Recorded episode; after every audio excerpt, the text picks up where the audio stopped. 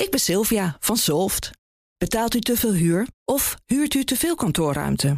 Solft heeft de oplossing. Van werkplekadvies, huuronderhandeling tot een verbouwing, wij ontzorgen u. Kijk voor al onze diensten op soft.nl. BNR Beurs wordt mede mogelijk gemaakt door Bridge Fund. Make money smile. BNR Nieuwsradio. BNR Beurs. Wesley Weert, Jelle Maasbach. Welkom lieve mensen, welkom bij BNR Beurs. Een nieuwe aflevering op deze dinsdag 21 november. En het is de dag waarop we leren dat de verkoop van elektrische auto's in ons land minder loopt dan in andere landen. Er werden in oktober 29% meer stekkerauto's verkocht dan een jaar eerder. Maar in de hele EU steeg de verkoop met ruim 36%. Kopers zijn in Nederland terughoudender omdat voor elektrische auto's vanaf 2025 ook wegenbelasting moet gaan betaald.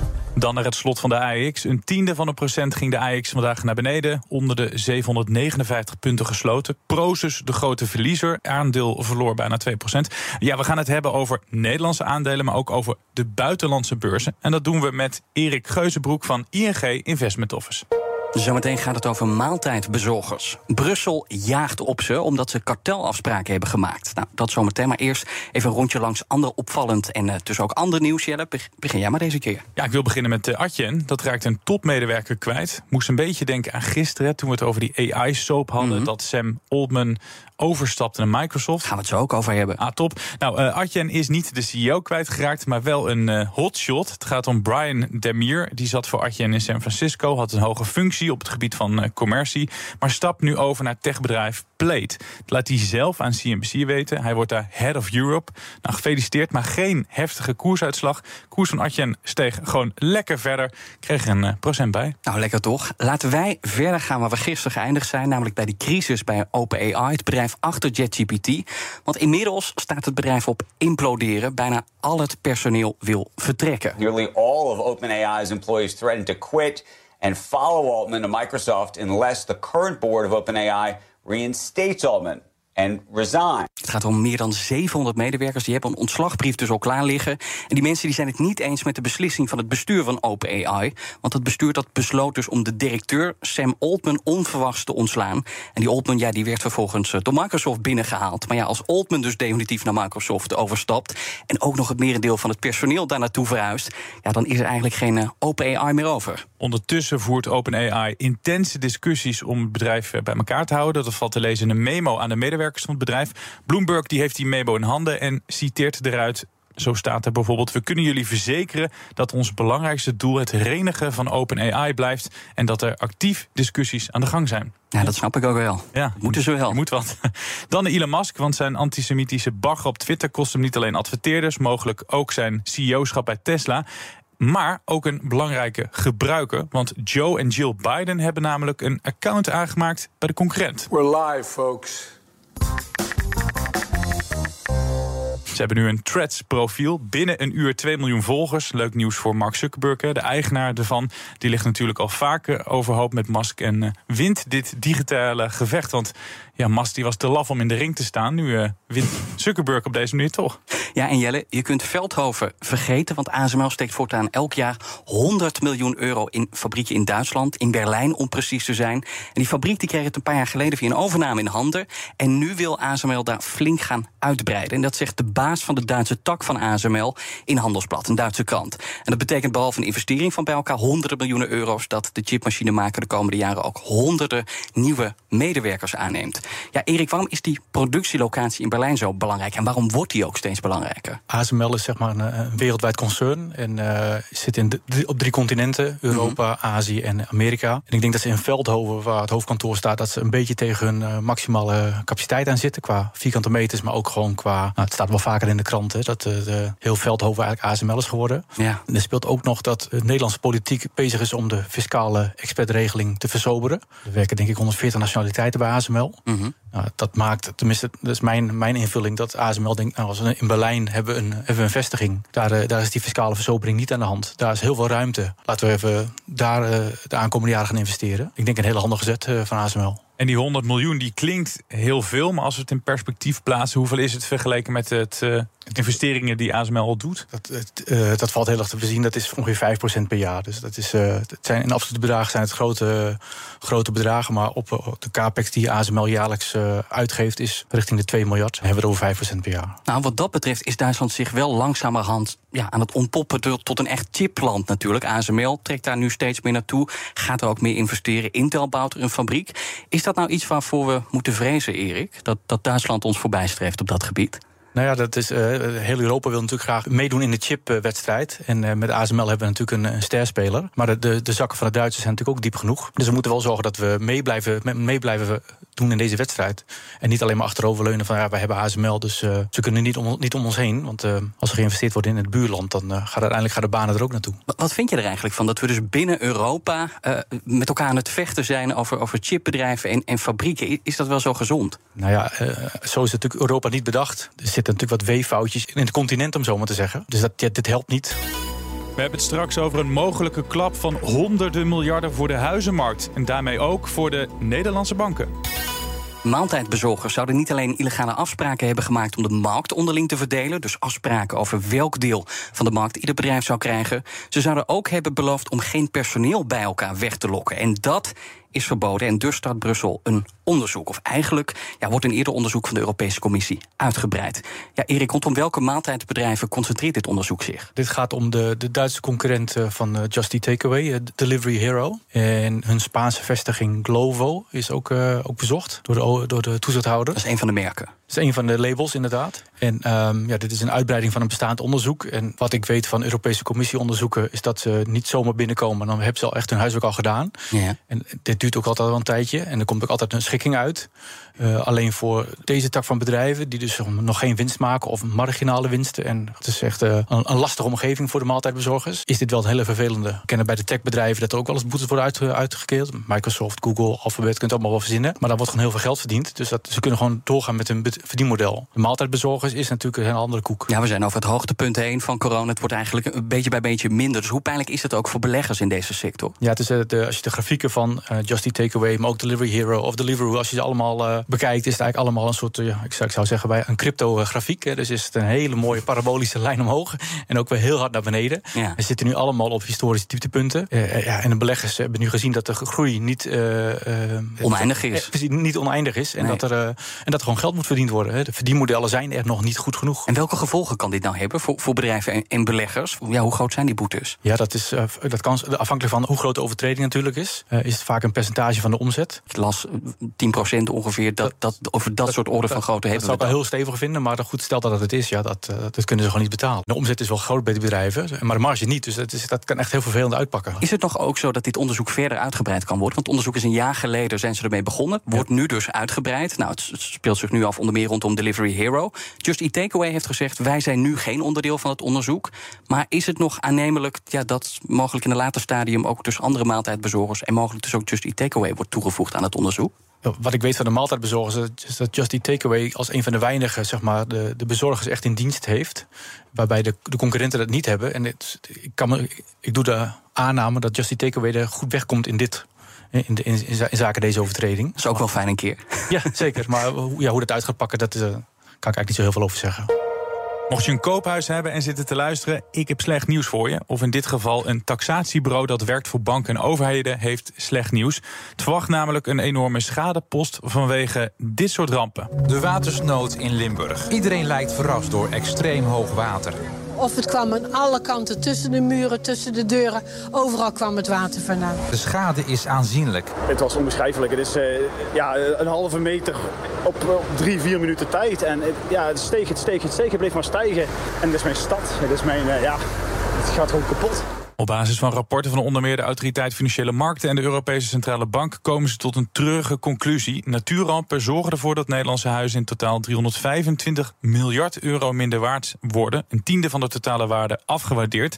Voornamelijk omdat we onder zeeniveau wonen en dat een deel van Nederland onder water komt te staan. Ja, dat is een gigantisch bedrag, is bijna niet voor te stellen. Maar wat betekent dit voor banken? Want die hebben hypotheken verstrekt. En gelukkig veel minder hypotheken dan de, dan de waarde van de huis bij elkaar opgeteld. Nederland is gewoon een spaarzaam volkje. En we hebben natuurlijk al decennia lang onze hypotheken afbetaald. Begreep dat de loan-to-value ratio van de hele Nederlandse woningmarkt 57% is. Dus voor elke 100 euro aan eh, bakstenen hebben we 57 euro schuld. En dat betekent dat er nog wel wat van af kan. Mocht dit allemaal gaan zoals nu in de krant staat. En dat gaat ook niet van een op de andere dag. Dit, gaan we over, dit gaat over jaren gaat dit gebeuren. En banken zullen er rekening mee houden. Dat doen ze waarschijnlijk nu ook al. Want hoe houden ze er eh, rekening mee? Nou, dat, dat je bijvoorbeeld, afhankelijk van waar je, dat, rapport van de AFM, bepaalde gebieden die nu al heel vaak overstromen, ja, die hebben natuurlijk gewoon in de toekomst iets uit te leggen. Of dure premies, hogere verzekeringspremies. Of de bank stelt extra eisen. Maar dat gaat wel wat veranderen. Want vroeger was het het energielabel was iets nieuws. En nu komt het klimaatlabel. Want je zegt wel wat interessants. Want die banken die zijn dus een soort van veilig. Die kunnen een klap aan. Want die hebben niet 100% of meer dan 100% van de hypotheek verstrekt.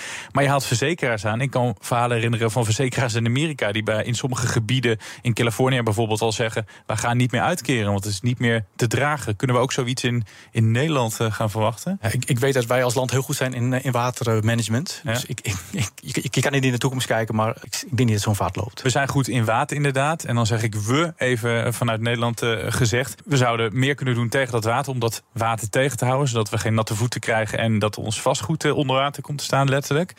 Daarbij zouden bijvoorbeeld banken ook een rol kunnen spelen. Zodat ze daar uh, gaan financieren, dat soort bedrijven. Tuurlijk. En, en, dat doen ze nu ook al, denk ik. Hè. Onze, onze, onze waterschappen zijn natuurlijk al, al jarenlang bezig met, met de hoge waterstanden. Ja. Ik woon zelf ook naast een dijk. Dus ja, het, het, zou mij ook kunnen overkomen. Jij maakt je nog geen zorgen? Ik, ik heb huis verzekerd. Je bent goed verzekerd. Ook tegen overstromen. Via ING zeker? Nee, ASR. dat, dat kunnen we een paar verzekeraars, ja. Ja, mijn ouders die wonen op een woonboot. Dus die zijn ook altijd wel veilig als het water uh, stijgt. Als het stijgt. BNR Beurs. Gaan even bij onze Amerikaanse vrienden kijken. Wall Street, de Dow Jones, 0,2% lager. De S&P 500 eveneens 0,2% verlies. Ja, en ook op de Nasdaq verlies, 0,6% gaat daar af. Uh, laten we ook even de cijfers van Zoom erbij pakken, want dat hebben beleggers ook gedaan. Ja, een groot deel van de dag stond dat aandeel lager, maar ik zie nu een klein plusje op de boord, 0,3% erbij. Een plus dat had ik eigenlijk ook wel verwacht. Ik heb die cijfers ook even bekeken. En je ziet dat de verwachting voor de rest van het jaar verhoogd worden. Komt omdat het bedrijf afgelopen kwartaal meer klanten binnenkreeg. Het aantal zakelijke klanten steeg met 5% vergeleken met dezelfde periode vorig jaar. En gebruikers blijven ook beter plakken. Het verloop is iets minder groot uh, dan uh, vorig jaar. En ze hebben ook bij Zoom de AI-trucendozen opengetrokken. Dat doen al die bedrijven natuurlijk. Aha. Alleen de CEO zegt ja, ook daarom uh, zijn die resultaten dus wat beter dan verwacht. Zoom had bijvoorbeeld een slimme assistent. En die slimme assistent die kan dan vergaderingen samenvatten. Uh, natuurlijk gebaseerd op kunstmatige intelligentie. En ja, wel handig als je veel vergaderingen dus. Ik ken niemand dus eigenlijk die nog zoomt. Nee, maar, nee, nee, nee, nee. Allemaal teams. Maar, met teams, ja. ja. maar kennelijk krijgen ze er dus toch nog steeds klanten bij. Ja, misschien dan niet hier, maar meer in Amerika. Maar ja, toch een, een toename daar. Cryptobeurs Binance dan, dat staat op het punt voor miljarden te schikken met de Amerikaanse justitie. Er loopt al vijf jaar lang een onderzoek en de beschuldigingen zijn behoorlijk heftig. Voor wie het niet heeft gevolgd of het niet meer helemaal scherp heeft, Daniel Mol, co-host van BNR's CryptoCast, die vat het nog even voor je samen. Binance is het grootste cryptobedrijf ter wereld en het Amerikaanse ministerie van Justitie heeft net als een aantal toezichthouders trouwens grote problemen met dat bedrijf. Uh, dan heb ik het over aanklachten van witwassen, van fraude en het overtreden van de Amerikaanse sanctiewet. En de afgelopen maanden liep er een groot onderzoek van dat ministerie. En dat was bijna klaar. De Amerikaanse staat biedt nu aan om te schikken met Binance. En dat is een serieus bedrag. 4 miljard dollar. Uh, absoluut record voor de cryptowereld. En ook een groot bedrag voor Binance. En als Binance hiermee akkoord gaat, dan zijn ze nog lang niet uit de penarie. Want er lopen nog onderzoeken van verschillende toezichthouders. En topman Changpeng Zhao wordt in Amerika ook onderzocht. Een schikking van 4 miljard om je een beeld te geven. De omzet van Binance was vorig jaar 12 miljard. Dat is even veel. Je hoorde Daniel Mol van uh, de Cryptocast. Heb ik nog een bericht dat mijn aandacht trok op CNBC. Want Ford schroeft zijn plannen voor een grote Amerikaanse batterijfabriek terug. Eigenlijk zou Ford 3,5 miljard dollar in die fabriek pompen. Maar die investering wordt een stuk lager. En dat heeft te maken met de overstap naar elektrisch. Want ja, dat gaat langzamer dan gedacht. Hebben wij het ook al verschillende keren mm -hmm. over gehad, Jelle. Ondertussen stijgen natuurlijk de loonkosten bij die autofabrikanten. En moet Ford bezuinigen. Nou, dat doen ze dus onder meer op die nieuwe batterijfabriek. De productiecapaciteit capaciteit moet ruim 40% worden teruggeschroefd. Honderden banen minder zijn nodig. Maar ja, hoeveel minder het uiteindelijk in die fabriek gaat investeren in dollars, dat zegt Ford dan op dit moment nog niet. BNR Beurs. Als ik het over Hollandse aandelen heb, dan kan je er waarschijnlijk zo een aantal opdreunen. Maar hoeveel Canadese aandelen ken je? Nou, vandaag in ieder geval één, want Erik neemt er eentje mee uit Canada. Kemuco, Chemico, Zie je, ik ben er zelf ook Nee, niet aan we, gewend. we hebben nog opgeschreven dat we het uit moeten spreken. Gaat nog fout. Gaat bij mij altijd mis. Chemico, om precies te zijn, een producent van uranium. Onbekend, maar is het ook onbemind? Eh, als je naar de hele recente grafiek kijkt, zou je zeggen dat het al een tijdje heel bemind is. Ja. Maar waarom ik het heb eh, meegenomen als, als aandeel om te bespreken, is dat eh, de uranium, uraniummarkt echt een hele kleine niche-markt is. Gaat ongeveer 10, 20 miljard per jaar in om. En even om het in perspectief te plaatsen, de oliemarkt gaat 3300 miljard om per jaar. Dus Ja, even een verschilletje. Even een verschilletje. En het is eigenlijk sinds het Fukushima-drama helemaal uitgekotst, om het even plat te zeggen. Is tien jaar lang was het een bearmarkt. Er was niks in te doen. Prijzen alleen maar lager. Voorraden eh, heel erg hoog. En er is ook gewoon geen, bijna geen analist meer die het volgt. En wat je nu ziet is dat geopolitiek is vrij spannend. Hè. Niger is een grote leverancier van uranium. Daar is een coup gepleegd. Kazachstan eh, sinds de Oekraïne-oorlog ook heel, eh, heel spannend. Maar het, het bouwen van de kerncentrales gaat gewoon door. India heeft er tien opgeleverd dit jaar. China staan er volgens mij nog 40 in de planning. En dan komt er gewoon dan komt vraag en aanbod komt gewoon eh, vanzelf heel interessant. wordt gewoon heel interessant. Namelijk dat er gewoon een structureel tekort is. En met alle duurzaamheidseisen die we tegenwoordig hebben, heb je niet zomaar even een eh, uraniummijn eh, opgestart. Dat duurt jaren als je al de vergunning krijgt. En dat ziet de markt nu ook een beetje. Dus de prijs van uranium die tien jaar lang rond de 20 dollar eh, handelt op, de spotprijs, staat nu rond de 60, 80. En dan wordt het denk ik wel heel interessant. Er zitten ook weinig speculanten in deze sector, omdat het zo klein is. Iedereen kijkt naar olie en gas en steenkool. Eh, bij- Bijna niemand kijkt naar uranium. Dus, dus ik zou wel zeggen dat we aan het beginavond staan van een eh, uranium decennium. En dan, en dan is Came- Cameco zeg maar de grootste. Dus Cameco die stond jarenlang langs de zijkant en nu wel in iedere, el- elke keer ermee gaan dansen. Exact. Ja, dus ook, ook, in, ook in die tien jaar bear market gingen daar ook eh, bedrijven hebben gewoon mijnen lopen sluiten omdat het gewoon niet meer renda- rendabel was, waardoor er nog minder aanbod kwam. Maar een kerncentrale heeft gewoon eh, brandstof nodig tegen elke prijs, want ja, die, die kerncentrale kost eh, 20 miljard om te bouwen. Dus hoe dan ook, die blijft draaien. Daar gaan we niet, die gaan we even niet even uitzetten. Dat zou niet eens kunnen. Ja. Ehm, nou, dat zijn allemaal eh, speciale karakteristieken van deze niche-markt die nu heel erg eh, in play zijn. Ja, dat zie je terug in de koers. Dat zie je terug in de koers van de Anacameco, maar ook in de koers van pond uranium. En nou is dit een niche-markt, zeg jij. Maar Cameco is niet de enige eh, aanbieder. Met, met, met wie moeten ze concurreren? Met hoeveel moeten ze eh, Je hebt, concurreren? je hebt zeg maar eh, producenten die, zijn dan, die ho- horen bij een land bijvoorbeeld, hè, dus Kazachstan. Ja. Maar ook in, in, in Niger in dit geval. En er zijn een aantal bedrijven, maar de meeste zijn small en mid-cap. Cameco is eigenlijk de grootste van, van, de, van de beursgenoteerde bedrijven. Dus of het is van de overheid, sta, staatsgerelateerd, of het is beursgenoteerd en dan is Cameco de grootste. En verwacht je dan ook de komende jaren een gigantische koersprong? Ja, dat, dit is wel eentje van de lange adem. Hè, want het is. eh, Maar beleggers hebben al tien jaar moeten wachten. ja, dat klopt natuurlijk. En, en het, is, het is niet zo spannend als Nvidia of, eh, of, een, of, of een Tesla. Ehm, maar ja, als, eh, binnen commodities kijk je gewoon naar vraag en aanbod. Ik denk dat we alle drie hier kunnen verzinnen dat je niet vandaag op morgen een uraniummijn hebt opgestart. Nee. En al die kerncentrales die blijven gewoon draaien. En sterker nog, ik denk dat kerncentrale heel erg handig is in de energiemix. Vanuit die hoedanigheid denk ik dat dat gewoon een heel interessante belegging is. En we hebben het nu over die kerncentrales, maar kan je het nog voor andere dingen gebruiken? Dus eh, kunnen ze nog op andere paden wedden waar eh, uranium voor gebruikt kan worden? Eh, de grondstof broeien. Ja. Nou ja, het plutonium natuurlijk ook. Hè, dus voor de, voor de röntgenafdeling in het ziekenhuis. Maar dat is zeg maar heel klein. Het is, de, de bulk is gewoon brandstof voor kerncentrales. Ja. En daar staan er 450 van in de wereld te branden elke dag. En er komen nog heel veel bij. En jij zegt dan, als ze ergens gaan aankloppen, dan is het waarschijnlijk bij dit Canadese. Ja, bedrijf. is- is- kijk, zij produceren gewoon als een van de weinigen het meeste van dit spul. En eh, dat doen ze gewoon heel veilig en heel netjes. Dus ja, zij gaan gewoon heel veel geld verdienen de aankomende jaren. Erik, nog één keer even goed de naam voor de mensen die nu luisteren. Hoe heet het bedrijf? Ik, eh, ik zou zeggen Cameco. Nou, morgen gaan we natuurlijk naar de stembus in Nederland. Maar maakt de uitslag van de verkiezingen iets uit voor de beurs? Nou, daarover zijn de meningen verdeeld. Uit onderzoek blijkt dat landen waar een populist aan de macht is... het BBP met 10% zien dalen... vergeleken met landen zonder populistische leider. Andere experts zeggen dat grote beursgenoteerde bedrijven te internationaal zijn om last te hebben van onze verkiezingen. Toch wist Liz Truss er eigenhandig voor te zorgen dat 500 miljard pond verdampte op de Britse aandelen- en obligatiemarkt. En we gaan zien of de Nederlander het nog ziet zitten met de economie en de eigen portemonnee. Het CBS komt met het consumentenvertrouwen. En er was een stijgende lijn tot ongeveer april dit jaar. Maar daarna zat er niet veel beweging meer in. Dit was de BNR-beurs van dinsdag 21 november, de dag voor de verkiezingen.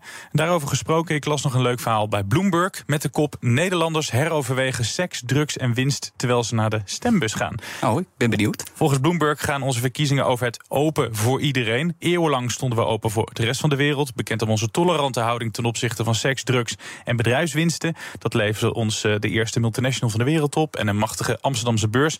Maar, zeggen ze, een aantal partijen lijken ons eh, af te sluiten van de rest rest van de wereld. Zo moeten migranten tegengehouden worden, moet het aantal vluchten minder en worden belastingvoordelen voor expats verminderd. Dus de verkiezingen kunnen, zeggen ze bij Bloomberg, ook van invloed zijn eh, op de buitenlandse belegger. Nou, hoe dan ook, stemmen morgen. Dit was hem dan echt. Bedankt Erik Geuzenbroek van ING Investment Office. En morgen zijn we er weer. En ik kan alvast verklappen, dan hebben we het over Nvidia. De cijfers komen straks. Oh god, gaan we het weer over AI hebben. Ja, en dus morgen in onze uitzending luisteren. Tot morgen. Tot morgen. BNR Beurs wordt mede mogelijk gemaakt door Bridge Fund. Make money smart. Ik ben Sylvia van Solft. Betaalt u te veel huur of huurt u te veel kantoorruimte? Solft heeft de oplossing. Van werkplekadvies, huuronderhandeling tot een verbouwing, wij ontzorgen u. Kijk voor al onze diensten op soft.nl.